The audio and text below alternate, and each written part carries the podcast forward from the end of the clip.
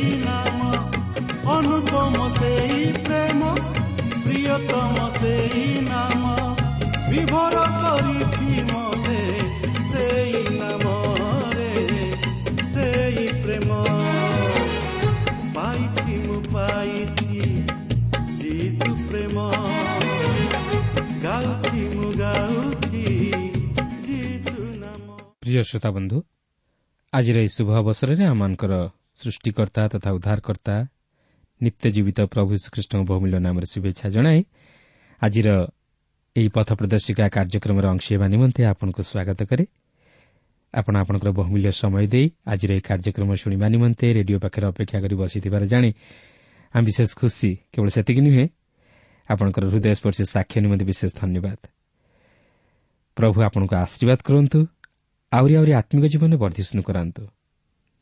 ଆପଣଙ୍କର ପ୍ରାର୍ଥନାର ଅନୁରୋଧ ରକ୍ଷା କରି ଆମେ ମଧ୍ୟ ଆପଣଙ୍କ ନିମନ୍ତେ ପ୍ରାର୍ଥନା କରୁଅଛୁ। ଆଉ ସେହି ପ୍ରଭୁ ଯୀଶୁ ନିଶ୍ଚିତ ଭାବରେ ଆପଣଙ୍କୁ ସୁରକ୍ଷା ପ୍ରଦାନ କରିବେ। ଆସନ୍ତୁ ତାହେଲେ ପ୍ରଭୁଙ୍କର ବାକ୍ୟ ମଧ୍ୟକୁ ଯିବା ପୂର୍ବରୁ ପ୍ରାର୍ଥନାର ସହିତ ପ୍ରଭୁଙ୍କ ବାକ୍ୟର ନିକଟବର୍ତ୍ତୀ ହେବା। ଆସନ୍ତୁ ପ୍ରାର୍ଥନା କରିବା। ଆମମାନଙ୍କର ପ୍ରିୟ ପବିତ୍ର ପ୍ରଭୁ ତୁମର ପବିତ୍ର ନାମର ଧନ୍ୟବାଦ କରୁଅଛୁ ତୁମର ଜୀବନ୍ତ ବାକ୍ୟ ପାଇଁ। ପ୍ରଭୁ ଆମେ ଜାଣୁ ତୁମର ବାକ୍ୟ ଆମମାନଙ୍କ ଜୀବନ ପାଇଁ ଶାନ୍ତିଦାୟକ ସାନ୍ତ୍ୱନାଦାୟକ ଭରସାଦାୟକ ଶକ୍ତିଦାୟକ। ହଁ ପ୍ରଭୁ ସେହି ବାକ୍ୟରେ ବିଶ୍ୱାସ କରି ତୁମର ଶରଣାପନ୍ନ ହେବା ପାଇଁ ପ୍ରଭୁ ତୁମେ ଆମମାନଙ୍କୁ ସେହି ପ୍ରକାର ସମର୍ପିତର ଜୀବନ ଦାନ କର। ଆଜିର ଏହି କାର୍ଯ୍ୟକ୍ରମ ମଧ୍ୟ ଦେଇ ପ୍ରତ୍ୟେକ ଶ୍ରୋତାବନ୍ଧୁମାନଙ୍କୁ ତୁମେ ଆଶୀର୍ବାଦ କର। ପ୍ରତ୍ୟେକଙ୍କର ମନସ୍କାମନା ତୁମେ ପୂର୍ଣ୍ଣ କର। ପ୍ରତ୍ୟେକଙ୍କୁ ପ୍ରଭୁ ତୁମର ସେ ଆତ୍ମିକ ଶାନ୍ତି ଆନନ୍ଦରେ ପରିପୂର୍ଣ୍ଣ କର। ଏହି ସମସ୍ତ ପ୍ରାର୍ଥନା ଆମମାନଙ୍କର ଉଦ୍ଧାରକର୍ତ୍ତା ଜୀବିତ ପୁନରୁତ୍ଥିତ ପ୍ରିୟ ପ୍ରଭୁ ଯୀଶୁଙ୍କ ନାମରେ ଏହି ଅଳ୍ପ ଭିକ୍ଷା ମାଗୁଅଛୁ। ଆମେନ୍।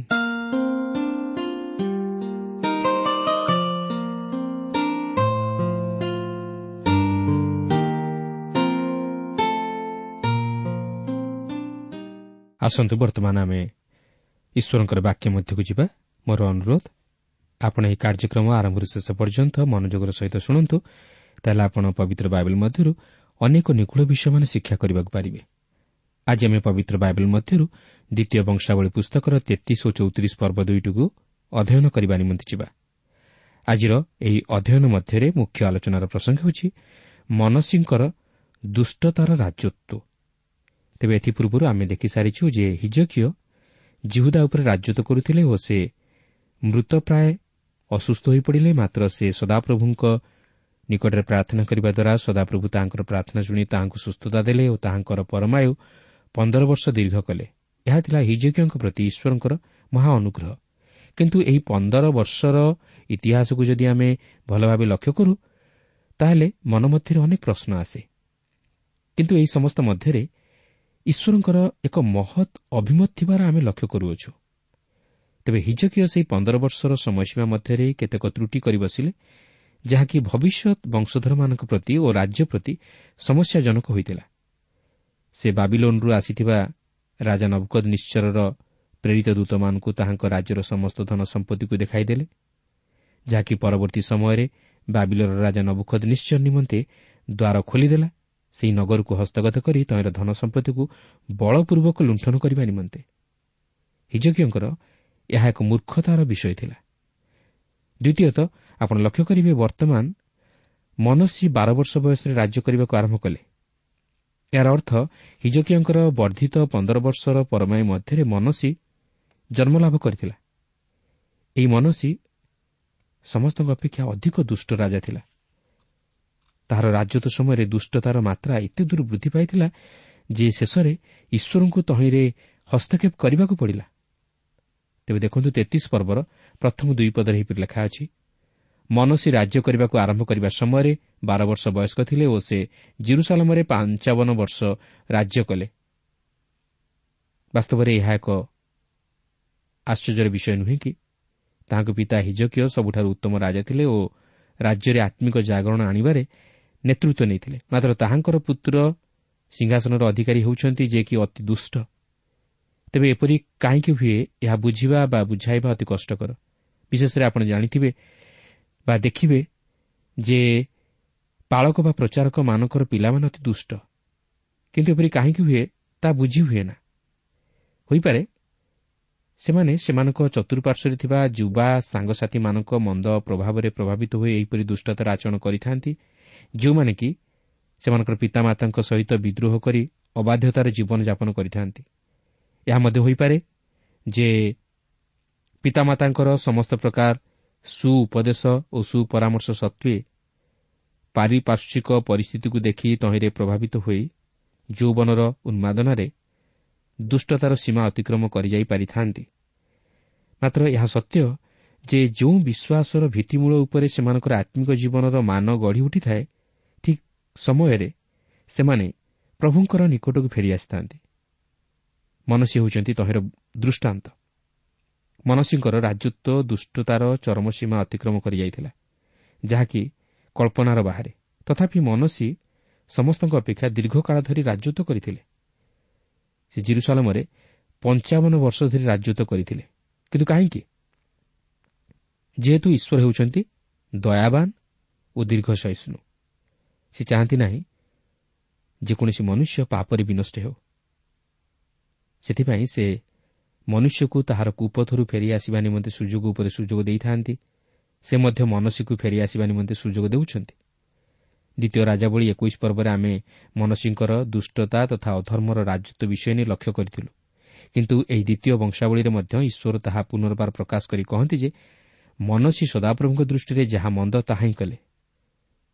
ଯେଉଁ ମନ୍ଦତା ନେଇ ସେ ବିଜାତୀୟମାନଙ୍କୁ ଇସ୍ରାଏଲ୍ ସନ୍ତାନଗଣ ସମ୍ମୁଖରୁ ତଡ଼ି ଦେଇଥିଲେ ମନସୀ ତାହା ହିଁ କଲେ।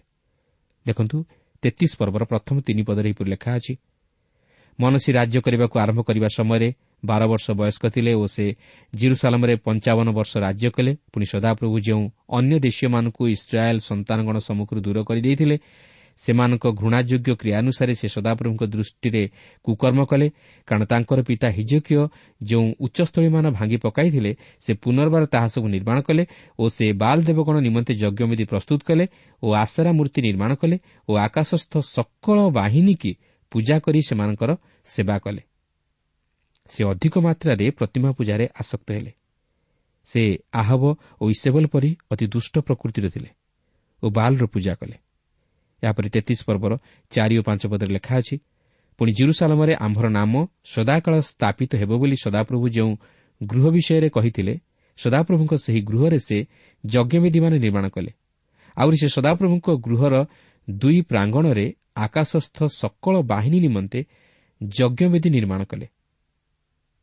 ସେ ଜିରୁସାଲମ ମନ୍ଦିର ମଧ୍ୟରେ ଆକାଶସ୍ଥ ସକଳ ବାହିନୀର ପୂଜା ପ୍ରଚଳନ କରାଇଲେ ଯାହାକି ଈଶ୍ୱରଙ୍କ ଦୃଷ୍ଟିରେ ଅତି ଘୃଣାଯୋଗ୍ୟ ବିଷୟ ଥିଲା। ସେ ବାଲ୍ ଦେବଗଣ ନିମନ୍ତେ ଯଜ୍ଞବିଧି ପ୍ରସ୍ତୁତ କଲେ ଓ ଆଶ୍ରା ମୂର୍ତ୍ତି ନିର୍ମାଣ କଲେ। ତାଙ୍କର ପିତା ଯାହା ସବୁ କରିଥିଲେ ସେ ତହିଁର ବିପରୀତ କଲେ। କେବଳ ସେ ସେତିକିରେ ରହିଗଲେ ନାହିଁ। ତେତିଶ ପର୍ବର ଛଅ ପଦରେ ଲେଖା ଅଛି ମଧ୍ୟ ସେ ହିନମ୍ ପୁତ୍ରର ଉପତ୍ୟକାରେ ଆପଣା ସନ୍ତାନ ସନ୍ତତିମାନଙ୍କୁ ଅଗ୍ନି ମଧ୍ୟ ଦେଇ ଗମନ କରାଇଲେ। ଆଉ ସେ ଶୁଭାଶୁଭ କହିବାର ବିଦ୍ୟା ଓ ଗଣକତା ବ୍ୟବହାର କଲେ ଓ ମାୟା କର୍ମ କଲେ ପୁଣି ଭୁତୁଳିଆ ଓ ଗୁଣିଆମାନଙ୍କ ସହିତ ବ୍ୟବହାର କଲେ। ସେ ସଦାପ୍ରଭୁଙ୍କୁ ବିରକ୍ତ କରିବା ନିମନ୍ତେ ତାହାଙ୍କ ଦୃଷ୍ଟିରେ ବହୁତ କୁକର୍ମ କଲେ। ଦେଖନ୍ତୁ ସେ ପୁରାପୁରି ପ୍ରତିମା ପୂଜାରେ ଆସକ୍ତ ହେଲେ। ଏପରିକି ସେ ନିଜର ସନ୍ତାନ ସନ୍ତତିମାନଙ୍କୁ ଅଗ୍ନି ଦେବତାଙ୍କ ଉଦ୍ଦେଶ୍ୟରେ ଉତ୍ସର୍ଗ କଲେ। ସେ ଈଶ୍ୱରଙ୍କ ଉପରେ ନିର୍ଭର ନ କରି ଗଣକତା ଭୁତୁଡ଼ିଆ ଓ ଗୁଣିଆମାନଙ୍କ ସହିତ ବ୍ୟବହାର କଲେ ଓ ସେମାନଙ୍କଠାରୁ ସାହାଯ୍ୟ ଲୋଡ଼ିଲେ। ଆଜି ମଧ୍ୟ ସେହିପରି ଅନେକ ଲୋକ କରନ୍ତି। ସେମାନେ ଈଶ୍ୱରଙ୍କର ସାହାଯ୍ୟ ନ ଲୋଡ଼ି ଶୈତାନିକ ଶକ୍ତିର ଆଶ୍ରୟ ନିଅନ୍ତି। ତେତିଶ ପର୍ବର ସାତ ଓ ଆଠ ପଦରେ ଲେଖା ଅଛି ଆଉ ସେ ଆପଣା ନିର୍ମିତ ଦେବତାର ଖୋଦିତ ପ୍ରତିମା ପରମେଶ୍ୱରଙ୍କ ଗୃହରେ ସ୍ଥାପନ କଲେ। ସେହି ଗୃହ ବିଷୟରେ ପରମେଶ୍ୱର ଦାଉଦଙ୍କ ଓ ତାଙ୍କ ପୁତ୍ର ସଲମନଙ୍କୁ କହିଥିଲେ ଏହି ଗୃହରେ ଓ ଇସ୍ରାଏଲ୍ର ସମୁଦାୟ ଗୋଷ୍ଠୀ ମଧ୍ୟରୁ ଆମ୍ଭର ମନୋନୀତ ଜିରୁସାଲମରେ ଆମ୍ଭେ ଆପଣା ନାମ ସଦାକାଳ ସ୍ଥାପନ କରିବା। ପୁଣି ଆମ୍ଭେ ସେମାନଙ୍କୁ ଯେ ସମସ୍ତ ଆଜ୍ଞା ଦେଇଅଛୁ ଅର୍ଥାତ୍ ମୂଷାର ହସ୍ତ ଦ୍ୱାରା ଯେ ସମସ୍ତ ବ୍ୟବସ୍ଥା ବିଧି ଓ ବିଧାନ ଦେଇଅଛୁ କେବଳ ତଦନୁସାରେ କର୍ମ କରିବା ପାଇଁ ଯେବେ ସେମାନେ ମନୋଯୋଗୀ ହେବେ ତେବେ ଆମ୍ଭେ ତୁମମାନଙ୍କ ପୂର୍ବପୁରୁଷମାନଙ୍କ ନିମନ୍ତେ ଯେଉଁ ଦେଶ ନିରୂପଣ କରିଅଛୁ ତହିଁରୁ ଇସ୍ରାଏଲ୍ର ପାଦକୁ ଆଉ ସ୍ଥାନାନ୍ତରିତ କରିବା ନାହିଁ। ଦେଖନ୍ତୁ ଈଶ୍ୱର ପ୍ରତିଜ୍ଞା କରି କହିଥିଲେ ଯେ ଯଦି ସେମାନେ ତାହାଙ୍କୁ ପୂଜା କରନ୍ତି ଓ ତାହାଙ୍କ ପ୍ରତି ବିଶ୍ୱସ୍ତ ରୁହନ୍ତି ତାହେଲେ ସେ ସେମାନଙ୍କୁ ଆଶୀର୍ବାଦ କରିବେ। କିନ୍ତୁ ଲକ୍ଷ୍ୟ କରନ୍ତୁ ମନସୀ ଜିହୁଦା ପ୍ରତି କ'ଣ କରିବାକୁ ଯାଉଅଛନ୍ତି?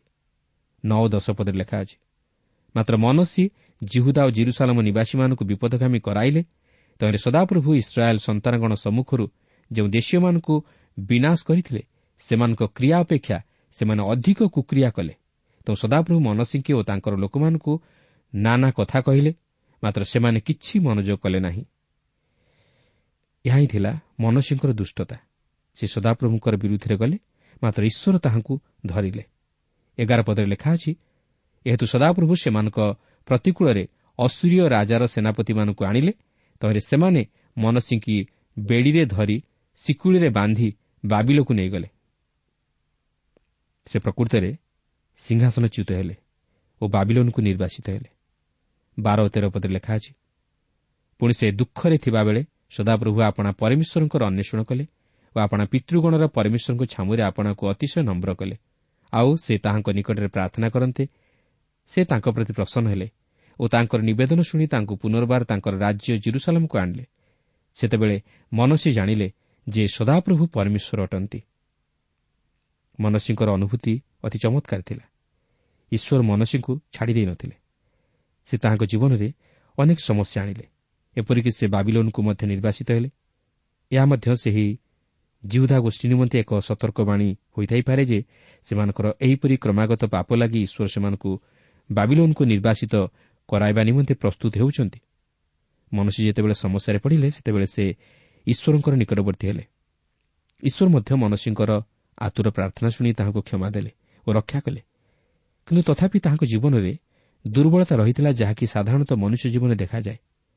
ଚଉଦରୁ ଷୋହଳ ପଦ ମଧ୍ୟରେ ଆମେ ଦେଖୁ ଯେ ଯେତେବେଳେ ସେ ଜୁରୁସାଲମକୁ ଫେରିଆସିଲେ ସେତେବେଳେ ସେ ମନ୍ଦିର ମଧ୍ୟରୁ ସମସ୍ତ ପ୍ରକାର ପ୍ରତିମା ଓ ଦେବାଦେବୀକୁ କାଢ଼ିଦେଲେ ଓ ସଦାପ୍ରଭୁଙ୍କ ଉଦ୍ଦେଶ୍ୟରେ ଯଜ୍ଞବେଦୀ ନିର୍ମାଣ କରି ତହିଁ ଉପରେ ବଳିଦାନ ଉତ୍ସର କଲେ। ଏହାପରେ ସତର ପଦରେ ଆମେ ଦେଖୁ ଲେଖା ଅଛି ତଥାପି ଲୋକମାନେ ଉଚ୍ଚସ୍ଥଳୀରେ ବଳିଦାନ କଲେ ମାତ୍ର ତାହା କେବଳ ସଦାପ୍ରଭୁ ସେମାନଙ୍କ ପରମେଶ୍ୱରଙ୍କ ଉଦ୍ଦେଶ୍ୟରେ କଲେ। ଅନ୍ୟ ଅର୍ଥରେ କହିବାକୁ ଗଲେ ଲୋକମାନେ ପ୍ରକୃତରେ ଈଶ୍ୱରଙ୍କ ପ୍ରତି ଫେରିଲେ ନାହିଁ ମାତ୍ର ତଥାପି ସେମାନେ ଉଚ୍ଚସ୍ଥଳୀମାନଙ୍କରେ ବଳିଦାନ ପ୍ରଭୃତି ଉଚ୍ଚର କଲେ। ବାସ୍ତବରେ ମନସୀ ଏହି ସମସ୍ତ ସମୟ ଧରି ରାଜତ୍ୱ କରିଥିଲେ। ଯେତେବେଳେ ସେ ସେହି ବାବିଲୋନ୍ରେ ଜଣେ ଅସହାୟ ନିର୍ବାଚିତ ରୂପେ ଜୀବନଯାପନ କଲେ ସେ ସଦାପ୍ରଭୁଙ୍କ ନିକଟରେ ପ୍ରାର୍ଥନା କଲେ ଓ ସେ ତାଙ୍କର ପ୍ରାର୍ଥନା ଶୁଣିଲେ। ଏଥିରୁ ଜଣାଯାଏ ଈଶ୍ୱର କେତେ ଦୟାବାନ ଓ କ୍ଷମାଶୀଳ। ଏଠାରେ ଆମେ ଦେଖୁଛୁ ଯେ ଜଣେ ଈଶ୍ୱର ଭୟକାରୀ ପିତାମାତାଙ୍କର ସନ୍ତାନ ଦୁଷ୍ଟତାର ସୀମା ଅତିକ୍ରମ କରିବା ପରେ ପୁନର୍ବାର ଈଶ୍ୱରଙ୍କ ନିକଟକୁ ଫେରିଆସିଅଛି ଏହା ହିଁ ଆଜି ଆମମାନଙ୍କ ନିମନ୍ତେ ଏକ ସାନ୍ତ୍ୱନାର ବିଷୟ। ଆମମାନେ ଯେତେ ବଡ଼ ପାପି ତଥା ଅପରାଧୀ ହେଉନା କାହିଁକି ଆମେ ଯଦି ନିଜର ପାପ ନିମନ୍ତେ ଅନୁତାପ କରି ପ୍ରଭୁ ଯୀଶୁଙ୍କ ନିକଟକୁ ଫେରିଆସିବା ତାହେଲେ ସେ ଆମମାନଙ୍କୁ କ୍ଷମା ଦେଇ ଈଶ୍ୱରଙ୍କର ସନ୍ତାନ ହେବାର ଅଧିକାର ପ୍ରଦାନ କରିବେ। ଯେହେତୁ ଈଶ୍ୱର ତାହାଙ୍କର ସେହି ଅତୁଳନୀୟ ପ୍ରେମ ଆଜି ଖ୍ରୀଷ୍ଟଙ୍କ ମାଧ୍ୟମରେ ସମଗ୍ର ମାନବ ଜାତି ପ୍ରତି ପ୍ରକାଶ କରିଅଛନ୍ତି। ଏଠାରେ ମଧ୍ୟ ପିତାମାତାଙ୍କ ନିମନ୍ତେ ଏକ ମହାନ ସାନ୍ତ୍ୱନା ମିଳେ ଯେ ଯଦିଓ ସେମାନଙ୍କର ସନ୍ତାନମାନେ ବିପଦକୁ ଚାଲିଯାଇ ପାରନ୍ତି ମାତ୍ର ସେମାନେ ନିଶ୍ଚୟ ଦିନେ ନା ଦିନେ ଈଶ୍ୱରଙ୍କ ନିକଟକୁ ଫେରିବେ। ମାତ୍ର ସେଥିନିମନ୍ତେ ପ୍ରାର୍ଥନାର ସହିତ ଆମମାନଙ୍କୁ ଅପେକ୍ଷା କରିବାକୁ ହେବ। ଏହାପରେ ତେତିଶ ପର୍ବର ଅଠରରୁ କୋଡ଼ିଏ ପଦ ମଧ୍ୟରେ ଆମେ ଦେଖୁ ଯେ ମନସୀ ମୃତ୍ୟୁବରଣ କଲେ ଓ ତାହାଙ୍କ ପରେ ତାହାଙ୍କ ପୁତ୍ର ଆମୋନ୍ ତାହାଙ୍କ ପଦରେ ରାଜ୍ୟ କଲେ। ବର୍ତ୍ତମାନ ଆମେ ଆମୋନ୍ଙ୍କ ରାଜତ୍ୱ ସମ୍ପର୍କରେ କିଛି ଆଲୋଚନା କରିବା। ତେତିଶ ପର୍ବର ଏକୋଇଶ ପଦରେ ଏହିପରି ଲେଖା ଅଛି ଆମୋନ୍ ରାଜ୍ୟ କରିବାକୁ ଆରମ୍ଭ କରିବା ସମୟରେ ବାଇଶ ବର୍ଷ ବୟସ୍କ ଥିଲେ ଓ ସେ ଜୁରୁସାଲମରେ ଦୁଇ ବର୍ଷ ରାଜ୍ୟ କଲେ। ତେବେ ମନସୀ ଯେଉଁ ଦୁଷ୍ଟତା କରିଥିଲେ ତହିଁର ପ୍ରଭାବ ତାହାଙ୍କର ପୁତ୍ର ଆମୋନ୍ଙ୍କ ପ୍ରତି ମଧ୍ୟ ପଡ଼ିଥିଲା। ତାଙ୍କର ପୁତ୍ର ଆମୋନ୍ କାହିଁକି ତାହାଙ୍କର ମନ୍ଦତାର ପଥରେ ଗତି କଲେ ତାହା ସ୍ପଷ୍ଟ ହୋଇଯାଏ। ମନସୀଙ୍କର ପରିବର୍ତ୍ତନ ପୂର୍ବରୁ ତାହାଙ୍କର ଏହି ପୁତ୍ର ତାହାଙ୍କର କାର୍ଯ୍ୟକଳାପକୁ ଦେଖି ତହିଁରେ ପ୍ରଭାବିତ ହୋଇଥିଲେ। ତେଣୁକରି ସେ ତାହାଙ୍କର ପିତାଙ୍କର ପୂର୍ବବର୍ତ୍ତୀ ସମୟର କାର୍ଯ୍ୟକଳାପକୁ ଅନୁକରଣ କରିଥିଲେ। ଏହାପରେ ବାଇଶରୁ ପଚିଶ ପଦ ମଧ୍ୟରେ ଲେଖା ଅଛି ପୁଣି ସେ ଆପଣା ପିତା ମନସୀଙ୍କ ତୁଲ୍ୟ ସଦାପ୍ରଭୁଙ୍କ ଦୃଷ୍ଟିରେ କୁକର୍ମ କଲେ ଆମୋନ୍ ଆପଣା ପିତା ମନସୀଙ୍କ ନିର୍ମିତ ସକଳ ଖୋଦିତ ପ୍ରତିମା ଉଦ୍ଦେଶ୍ୟରେ ବଳିଦାନ କରି ସେମାନଙ୍କର ସେବା କଲେ। ପୁଣି ତାଙ୍କର ପିତା ମନସୀ ଯେପରି ଆପଣଙ୍କୁ ନମ୍ବର କରିଥିଲେ ସେ ସଦାପ୍ରଭୁଙ୍କ ଛାମୁରେ ଆପଣଙ୍କୁ ସେପରି ନମ୍ବର କଲେ ନାହିଁ ମାତ୍ର ଏହି ଆମୋନ୍ ଅଧିକ ଅଧିକ ଅପରାଧ କଲେ। ଏଉତାରେ ତାଙ୍କର ଦାସମାନେ ତାଙ୍କ ବିରୁଦ୍ଧରେ ଚକ୍ରାନ୍ତ କରି ତାଙ୍କର ନିଜ ଗୃହରେ ତାଙ୍କୁ ବଧ କଲେ। ମାତ୍ର ଯେଉଁମାନେ ଆମନ୍ ରାଜାଙ୍କ ବିରୁଦ୍ଧରେ ଚକ୍ରାନ୍ତ କରିଥିଲେ ସେ ସମସ୍ତଙ୍କୁ ଦେଶସ୍ଥ ଲୋକମାନେ ବଧ କଲେ। ଆଉ ଦେଶର ଲୋକମାନେ ତାଙ୍କର ପଦରେ ତାଙ୍କର ପୁତ୍ର ଯୋଶୀଙ୍କୁ ରାଜା କଲେ। ଏହା ହିଁ ସାଧାରଣତଃ ଘଟେ। ଆମେ ନିଜର ପିଲାମାନଙ୍କ ସମ୍ମୁଖରେ ପ୍ରଥମରେ ଯେଉଁ ଆଦର୍ଶ ଦେଖାଇଥାଉ ସେମାନେ ତାହାକୁ ହିଁ ଅନୁକରଣ କରନ୍ତି। ତେବେ ଆମନ ଜଣେ ଦୁଷ୍ଟ ରାଜା ଥିଲେ ଓ ସେ ନିଜକୁ ନମ୍ର କରି ଈଶ୍ୱରଙ୍କର ନିକଟବର୍ତ୍ତୀ ହେଲେ ନାହିଁ ମାତ୍ର ଅଧିକରୁ ଅଧିକ ଅପରାଧ କରି ମୃତ୍ୟୁବରଣ କଲେ ଓ ତାହାଙ୍କ ପଦରେ ତାହାଙ୍କର ପୁତ୍ର ଯୋଶୀୟ ରାଜ୍ୟ କଲେ। ବର୍ତ୍ତମାନ ଆମେ ଚୌତିରିଶ ପର୍ବ ମଧ୍ୟକୁ ଯିବା ଓ ଯୋଶୀଙ୍କ ରାଜତ୍ୱ ସମ୍ପର୍କରେ କିଛି ଆଲୋଚନା କରିବା ପାଇଁ ଯିବା। ଯୋଶୀଙ୍କ ରାଜତ୍ୱ ସମୟରେ ଘଟିଥିବା ଆତ୍ମିକ ଜାଗରଣ ସମ୍ପର୍କରେ କିଛି ଆଲୋଚନା କରିବା। ବର୍ତ୍ତମାନ ଆମେ ଯୋଶୀଙ୍କୁ ଲକ୍ଷ୍ୟ କରିବା ଓ ଈଶ୍ୱର କିପରି ଚମତ୍କାର ଭାବେ ତାହାଙ୍କୁ ବ୍ୟବହାର କଲେ ତାହା ଜାଣିବାକୁ ଚେଷ୍ଟା କରିବା। ତେବେ ଦେଖନ୍ତୁ ଚୌତିରିଶ ପର୍ବର ପ୍ରଥମ ଦୁଇ ପଦରେ ଏହିପରି ଲେଖା ଅଛି। ଯୋଶୀ ରାଜ୍ୟ କରିବାକୁ ଆରମ୍ଭ କରିବା ସମୟରେ ଆଠ ବର୍ଷ ବୟସ୍କ ଥିଲେ ଆଉ ସେ ଜିରୁସାଲାମରେ ଏକତିରିଶ ବର୍ଷ ରାଜ୍ୟ କଲେ। ପୁଣି ସେ ସଦାପ୍ରଭୁଙ୍କ ଦୃଷ୍ଟିରେ ଯଥାର୍ଥ କର୍ମ କଲେ ଓ ଆପଣା ପୂର୍ବପୁରୁଷ ଦାଉଦଙ୍କର ପଥରେ ଚାଲିଲେ ଆଉ ଦକ୍ଷିଣରେ କି ବାମରେ ଫେରିଲେ ନାହିଁ। ଲେଖା ଅଛି ଯୋଶୀୟ ସଦାପ୍ରଭୁଙ୍କ ଦୃଷ୍ଟିରେ ଯଥାର୍ଥ କର୍ମ କଲେ। ଅର୍ଥାତ୍ ସଦାପ୍ରଭୁଙ୍କ ଦୃଷ୍ଟିରେ ଯାହା ଗ୍ରହଣୀୟ ଓ ସନ୍ତୋଷଜନକ ଯୋଶୀୟ ତାହା ହିଁ କଲେ। ଏହା ହିଁ ଥିଲା ଯୋଶୀଙ୍କର ଉତ୍ତମତାର ପ୍ରମାଣପତ୍ର। ଚୌତିରିଶ ପର୍ବର ତିନି ପଦରେ ଲେଖା ଅଛି ତାଙ୍କର ଅଧିକାରର ଅଷ୍ଟମ ବର୍ଷରେ ସେ ଅଳ୍ପ ବୟସ୍କ ଥାଉ ଥାଉ ଆପଣା ପୂର୍ବପୁରୁଷ ଦାଉଦଙ୍କର ପରମେଶ୍ୱରଙ୍କୁ ଅନ୍ୱେଷଣ କରିବାକୁ ଆରମ୍ଭ କଲେ ଓ ସେ ଦ୍ୱାଦଶ ବର୍ଷରେ ଉଚ୍ଚସ୍ଥଳୀ ଓ ଆଶରାମୂର୍ତ୍ତି ଓ ଖୋଦିତ ପ୍ରତିମା ଓ ଛାଞ୍ଚରେ ଢଳା ପ୍ରତିମାରୁ ଜିହୁଦା ଓ ଜିରୁସାଲମକୁ ସୂଚୀ କରିବାକୁ ଲାଗିଲେ। ଦେଖନ୍ତୁ ତାଙ୍କ ରାଜତ୍ୱର ଅଷ୍ଟମ ବର୍ଷରେ ସେ ଷୋହଳ ବର୍ଷର ଭେଣ୍ଡିଆ ହୋଇଥିଲେ ଓ ସେ ଏହି ଯୌବନାବସ୍ଥାରେ ସଦାପ୍ରଭୁଙ୍କର ଅନ୍ୱେଷଣ କରିଥିଲେ ଯାହାକି ଅତି ବହୁମୂଲ୍ୟ ସମୟ ଅତି ପ୍ରଲୋଭନ ସମୟ ଯାହାକି ଅତି ପରୀକ୍ଷା ଓ ପ୍ରଲୋଭନପୂର୍ଣ୍ଣ ସମୟ। କିନ୍ତୁ କୋଡ଼ିଏ ବର୍ଷ ବୟସରେ ସେ ନିଜ ରାଜ୍ୟ ଜିହୁଦା ମଧ୍ୟରୁ ଓ ଜିରୁସାଲ ମଧ୍ୟରୁ ସମସ୍ତ ପ୍ରକାର ଦେବାଦେବୀ ଓ ପ୍ରତିମାଗଣକୁ ଦୂର କରିଦେଲେ ଓ ଦେଶକୁ ସୂଚୀ କଲେ ଓ ସେ ସଦାପ୍ରଭୁଙ୍କର ଅନ୍ୱେଷଣ କଲେ। ଯୋଶୀୟ ଜଣେ ନିର୍ଭୀକ ରାଜା ଥିଲେ। ସେ ଦକ୍ଷିଣ ରାଜ୍ୟକୁ ସୂଚୀ କରିବା ପରେ ସେ ଉତ୍ତର ରାଜ୍ୟର ଇସ୍ରାଏଲ୍ ଗୋଷ୍ଠୀମାନଙ୍କ ମଧ୍ୟକୁ ଗଲେ। ଚୌତିରିଶ ପର୍ବର ଆଠ ପଦରେ ଏହିପରି ଲେଖା ଅଛି ଅନନ୍ତର ସେ ଆପଣା ଅଧିକାରର ଅଠର ବର୍ଷରେ ଦେଶ ଓ ଗୃହ ସୂଚୀ କଲା ଉତ୍ତାରେ ସଦାପ୍ରଭୁ ଆପଣା ପରମେଶ୍ୱରଙ୍କ ଗୃହର ଜୀର୍ଣ୍ଣ ସଂସ୍କାର ନିମନ୍ତେ ଅତ୍ସଲିୟର ପୁତ୍ର ସାଫନ୍କୁ ଓ ନଗରାଧ୍ୟକ୍ଷ ମାସେୟକୁ ଓ ଜୟାହସର ପୁତ୍ର ଜୟାହ ଇତିହାସ ଲେଖକକୁ ପଠାଇଲେ। ଯେତେବେଳେ ଯୋଶୀୟ ଛବିଶ ବର୍ଷର ହୋଇଥିଲେ ସେ ମନ୍ଦିରର ମରାମତି କାର୍ଯ୍ୟ ଆରମ୍ଭ କଲେ। କାରଣ ଏହା ମନସିଂଙ୍କର ରାଜତ୍ୱ ସମୟରେ ମରାମତି ହୋଇପାରିନଥିଲା କି ଆମନଙ୍କ ସମୟରେ ମଧ୍ୟ ହୋଇପାରିନଥିଲା। ଏହାପରେ ନଅ ପଦରେ ଲେଖା ଅଛି ତେଣୁ ସେମାନେ ହିଲ୍କିୟ ମହାଜଜଙ୍କ ନିକଟକୁ ଆସି ଲେବିୟ ଦ୍ୱାରପାଳମାନଙ୍କ ଦ୍ୱାରା ମନସି ଓ ଇଫ୍ରାଇମ୍ ଓ ସମଗ୍ର ଇସ୍ରାଏଲ୍ର ଅବଶିଷ୍ଟାଂଶ ପୁଣି ସମଗ୍ର ଜିହୁଦା ଓ ବେନ୍ୟାମିନ୍ ଓ ଜେରୁସାଲାମ ନିବାସୀମାନଙ୍କ ହସ୍ତରୁ ସଂଗୃହୀତ ପରମେଶ୍ୱରଙ୍କ ଗୃହକୁ ଆନିତ ସକଳ ମୁଦ୍ରା ତାହା ନିକଟରେ ସମର୍ପଣ କଲେ। ମନସୀ ଓ ଇଫ୍ରାଇମ୍ ବାସ୍ତବରେ ଇସ୍ରାଏଲ୍ ବଂଶଧର ଥିଲେ। ଏହି ସମୟରେ ଉତ୍ତର ରାଜ୍ୟ ଅସୁରୀୟମାନଙ୍କ ଦ୍ୱାରା ନିର୍ବାଚିତ ହୋଇଯାଇଥିଲେ। ମାତ୍ର ଅଳ୍ପ କେତେକ ସେହି ଦେଶରେ ରହିଯାଇଥିଲେ। ଆଉ ଏହି ଇସ୍ରାଏଲ୍ର ଅବଶିଷ୍ଟାଂଶ ମଧ୍ୟ ମନ୍ଦିରର ମରାମତି କାର୍ଯ୍ୟ ନିମନ୍ତେ ଅର୍ଥ ପଠାଉଥିଲେ। ବର୍ତ୍ତମାନ ମନ୍ଦିରର ମରାମତି କାର୍ଯ୍ୟ ସମ୍ପନ୍ନ ହୋଇଅଛି ଯାହାକି ଆମେ ଚୌତିରିଶ ପର୍ବର ଦଶ ପଦରୁ ତେର ପଦ ମଧ୍ୟରେ ଲକ୍ଷ୍ୟ କରିବାକୁ ପାରୁ। ଏଥିସହିତ ସେମାନେ ମଧ୍ୟ ମନ୍ଦିର ମଧ୍ୟରୁ କେତେକ ବିଷୟ ଆବିଷ୍କାର କଲେ ଯାହାକି ଚୌତିରିଶ ପର୍ବର ଚଉଦ ପଦରେ ଲେଖା ଅଛି। ପୁଣି ସେମାନେ ସଦାପ୍ରଭୁଙ୍କ ଗୃହକୁ ଆନିତ ମୁଦ୍ରା ବାହାର କରି ଆଣିଲା ବେଳେ ହିଲ୍କିଓ ଯାଜକ ମୂଷାଙ୍କ ଦ୍ୱାରା ଦତ୍ତ ସଦାପ୍ରଭୁଙ୍କ ବ୍ୟବସ୍ଥା ପୁସ୍ତକ ପାଇଲା। ଦେଖନ୍ତୁ ସେହି ସମୟରେ ଈଶ୍ୱରଙ୍କ ବାକ୍ୟ ଅଧିକ ସଂଖ୍ୟାରେ ନକଲ କରାଯାଇ ନଥିଲା। ହୋଇପାରେ ଅନ୍ୟାନ୍ୟ ଅଳ୍ପ କେତେକ କରାଯାଇ ପାରିଥାଏ ମାତ୍ର ଈଶ୍ୱରଙ୍କ ବାକ୍ୟ ହଜିଯାଇଥିଲା ଏହାପରେ ପନ୍ଦରରୁ ଷୋହଳ ପଦ ମଧ୍ୟରେ ଆମେ ଦେଖୁ ଲେଖା ଅଛି ତହିଁରେ ହିଲ୍କିଓ ସାଫନ୍ ଲେଖକକୁ ଉତ୍ତର କରି କହିଲା ମୁଁ ସଦାପ୍ରଭୁଙ୍କ ଗୃହରେ ବ୍ୟବସ୍ଥା ପୁସ୍ତକ ପାଇଅଛି। ପୁଣି ହିଲ୍କିଓ ସାଫନ୍କୁ ସେହି ପୁସ୍ତକ ଦେଲା ଆଉ ସାଫନ୍ ରାଜାଙ୍କ ନିକଟକୁ ସେହି ପୁସ୍ତକ ନେଇଗଲା। ଆହୁରି ରାଜାଙ୍କ ନିକଟକୁ ପୁନର୍ବାର ସମ୍ବାଦ ନେଇ କହିଲା ଆପଣଙ୍କ ଦାସମାନଙ୍କ ପ୍ରତି ଅର୍ପିତ ସମସ୍ତ କାର୍ଯ୍ୟ ସେମାନେ କରୁଅଛନ୍ତି। ଦେଖନ୍ତୁ ଈଶ୍ୱରଙ୍କ ବାକ୍ୟ ଈଶ୍ୱରଙ୍କ ନିମନ୍ତେ ଅତି ଗୁରୁତ୍ୱପୂର୍ଣ୍ଣ ଓ ତାହା କେବେ ହେଲେ ବିନଷ୍ଟ ହୋଇନପାରେ ଲକ୍ଷ୍ୟ କରନ୍ତୁ ବର୍ତ୍ତମାନ କ'ଣ ଘଟିବା ପାଇଁ ଯାଉଅଛି।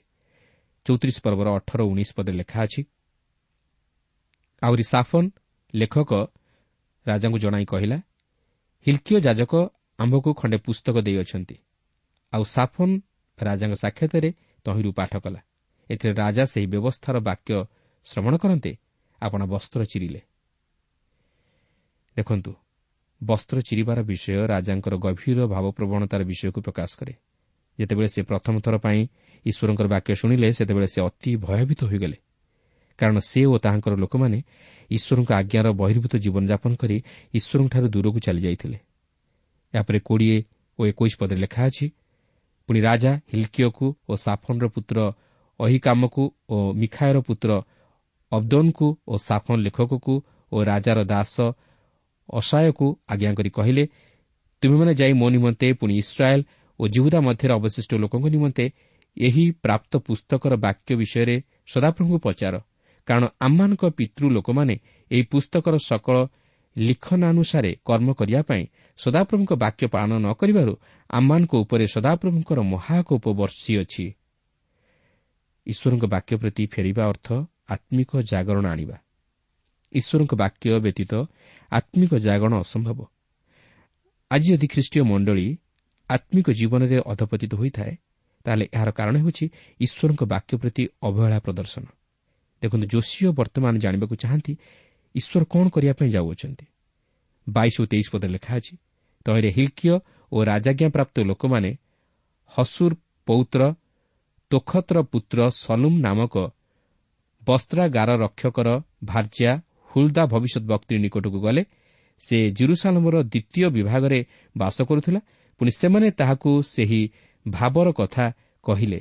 ତହିଁରେ ସେ ସେମାନଙ୍କୁ ଉତ୍ତର କଲା ସଦାପ୍ରଭୁ ଇସ୍ରାଏଲ୍ର ପରମେଶ୍ୱର ଏହି କଥା କହନ୍ତି ଯେଉଁ ଲୋକ ତୁମମାନଙ୍କୁ ଆମ୍ଭ କତିକି ପଠାଇଲା ତାହାକୁ କୁହ।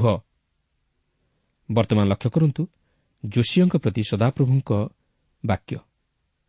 ଚବିଶ ଓ ପଚିଶ ପଦରେ ଲେଖା ଅଛି ସଦାପ୍ରଭୁ ଏହି କଥା କହନ୍ତି ଦେଖ ଆମ୍ଭେ ଏହି ସ୍ଥାନ ଉପରେ ଓ ତନିବାସୀମାନଙ୍କ ଉପରେ ଅମଙ୍ଗଳ ଅର୍ଥାତ୍ ସେମାନେ ଜିହୁଦାର ରାଜା ସାକ୍ଷତରେ ଯେଉଁ ପୁସ୍ତକ ପାଠ କରିଅଛନ୍ତି ତହିଁରେ ଲିଖିତ ସକଳ ଅଭିଶାପ ଘଟାଇବା। କାରଣ ସେମାନେ ଆପଣମାନଙ୍କ ହସ୍ତକୃତ ସକଳ କର୍ମ ଦ୍ୱାରା ଆମକୁ ବିରକ୍ତ କରିବା ପାଇଁ ଆମ୍ଭକୁ ପରିତ୍ୟାଗ କରିଅଛନ୍ତି ଓ ଅନ୍ୟ ଦେବଗଣ ଉଦ୍ଦେଶ୍ୟରେ ଧୂପ ଯୋଡ଼ାଇଅଛନ୍ତି ଏହେତୁ ଏହି ସ୍ଥାନ ଉପରେ ଆମ୍ଭର କୋପାନଳ ବର୍ଷିଅଛି ଓ ତାହା ନିର୍ବାଣ ନୁହିବ। ଈଶ୍ୱର ଯେଉଁପରି ଭାବେ ପ୍ରତିଜ୍ଞା କରିଅଛନ୍ତି ସେହିପରି ଭାବେ ସେ ବିଚାର ବର୍ତ୍ତାଇବାକୁ ଯାଉଅଛନ୍ତି ମାତ୍ର ସେ ଯାହା ହେଉନା କାହିଁକି ଯୋଶୀଙ୍କ ପ୍ରତି ତାହାଙ୍କର ଏକ ବ୍ୟକ୍ତିଗତ ସମ୍ବାଦ ରହିଅଛି। ଛବିଶରୁ ଅଠେଇଶ ପଦ ମଧ୍ୟରେ ଆମେ ଦେଖୁ ଲେଖା ଅଛି ମାତ୍ର ସଦାପ୍ରଭୁଙ୍କୁ ପଚାରିବା ପାଇଁ ତୁମାନଙ୍କୁ ପଠାଇଲା ଯେ ଜିହୁଦାର ରାଜା ତାହାକୁ ତୁମମାନେ କହିବ ତୁମ୍ଭର ଶୁଣିବା ବାକ୍ୟ ବିଷୟରେ ସଦାପ୍ରଭୁ ଇସ୍ରାଏଲ୍ର ପରମେଶ୍ୱର ଏହି କଥା କହନ୍ତି ଏହି ସ୍ଥାନ ବିରୁଦ୍ଧରେ ଓ ତନିବାସୀମାନଙ୍କ ବିରୁଦ୍ଧରେ ଉକ୍ତ ପରମେଶ୍ୱରଙ୍କ ବାକ୍ୟ ଶୁଣିବା ମାତ୍ରେ ତୁମ୍ଭର ଅନ୍ତଃକରଣ କୋମଳ ହେଲା ଓ ତୁମେ ତାହାଙ୍କ ସାକ୍ଷାତରେ ଆପଣାକୁ ନମ୍ର କଲ ଏଣୁ ତୁମ୍ଭେ ଆମ ସାକ୍ଷାତରେ ଆପଣାକୁ ନମ୍ର କରିବାରୁ ଓ ଆପଣା ବସ୍ତ୍ର ଚିରି ଆମ ସାକ୍ଷାତରେ ରୋଦନ କରିବାରୁ ସଦାପ୍ରଭୁ କହନ୍ତି ଆମ୍ଭେ ମଧ୍ୟ ତୁମ୍ଭ କଥା ଶୁଣିଲୁ। ଦେଖ ଆମ୍ଭେ ତୁମ୍ଭର ପିତୃଲୋକମାନଙ୍କ ନିକଟରେ ତୁମ୍ଭକୁ ସଂଗ୍ରହ କରିବା ଆଉ ତୁମ୍ଭେ ଶାନ୍ତିରେ ଆପଣା କବରରେ ସଂଗୃହୀତ ହେବ। ପୁଣି ଆମ୍ଭେ ଏହି ସ୍ଥାନ ଉପରେ ଓ ତନିବାସୀମାନଙ୍କ ଉପରେ ଯେ ଯେ ଅମଙ୍ଗଳ ଘଟାଇବା ତାହା ସବୁ ତୁମ୍ଭର ଚକ୍ଷୁ ଦେଖିବ ନାହିଁ। ଏଥିଭୂତାରେ ସେମାନେ ପୁନର୍ବାର ରାଜା ନିକଟକୁ ସମାଚାର ଆଣିଲେ। ଈଶ୍ୱର ଲୋକମାନଙ୍କର ବିଚାର କରିବାକୁ ସ୍ଥିର କରିଅଛନ୍ତି ମାତ୍ର ଯେପର୍ଯ୍ୟନ୍ତ ଯୋଶୀୟ ବଞ୍ଚି ରହିଛନ୍ତି ସେ ପର୍ଯ୍ୟନ୍ତ ସେ ସେହି ବିଚାର ବର୍ତ୍ତାଇବେ ନାହିଁ। ଏହାପରେ ଅଣତିରିଶରୁ ଏକତିରିଶ ପଦ ମଧ୍ୟରେ ଆମେ ଦେଖୁ ଲେଖା ଅଛି ଅନ୍ତର ରାଜା ଲୋକ ପଠାଇ ଜିହୁଦାର ଓ ଜିରୁସାଲମର ସମସ୍ତ ପ୍ରାଚୀନ ବର୍ଗଙ୍କୁ ଏକତ୍ର କଲେ ପୁଣି ରାଜା ସଦାପ୍ରଭୁଙ୍କ ଗୃହକୁ ଗମନ କଲେ ଆଉ ଜିହୁଦାର ସମସ୍ତ ଲୋକ ଓ ଜିରୁସାଲମ ନିବାସୀମାନେ ଓ ଯାଜକମାନେ ଓ ଲେବିୟମାନେ ଓ ବଡ଼ ସାନ ସମସ୍ତ ଲୋକ ଗମନ କଲେ।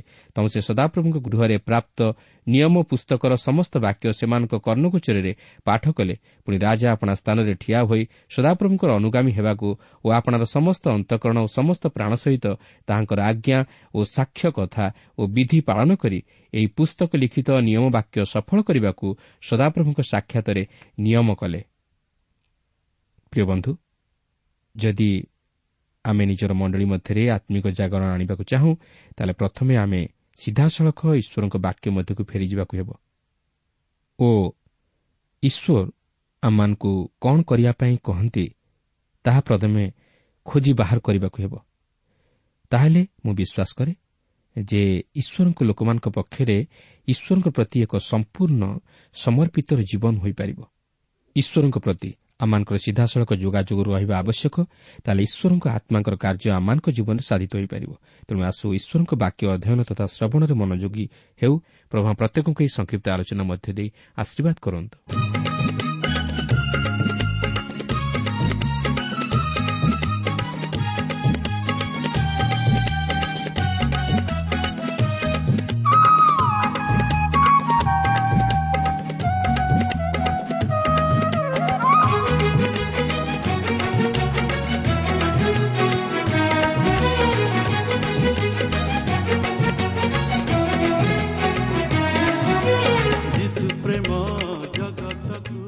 ଶ୍ରୋତା ଆପଣ ଈଶ୍ୱରଙ୍କ ବାକ୍ୟ ଶୁଣିବା ନିମନ୍ତେ ସମୟ ଦେଇଥିବାରୁ ଆମେ ଧନ୍ୟବାଦୀ।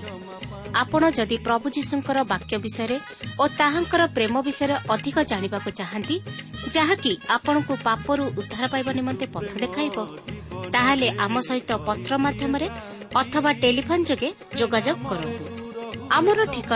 ପଥ ପ୍ରଦର୍ଶିକା Trans World Radio India post box number তিন তিন ভুবনেশ্বর সাত পাঁচ এক শূন্য শূন্য এক mobile number nine seven double seven double two one four one five ঠিকানাটি আউথরে শুনন্তু পথ প্রদর্শিকা Trans World Radio India post box number three three Bhubaneswar seven five one zero zero one mobile number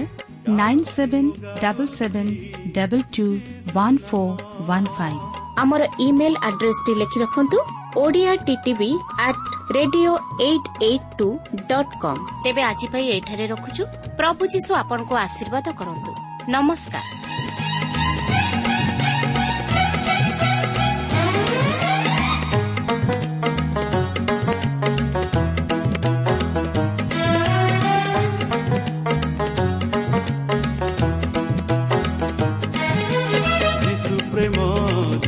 ନିରାଶାରେ ଆଶା ଯେ ଭରିଛି ସେ ନାମ ଯେ ଅନ୍ଧାରରେ ଆଲୁଅ ଜାଳିଛି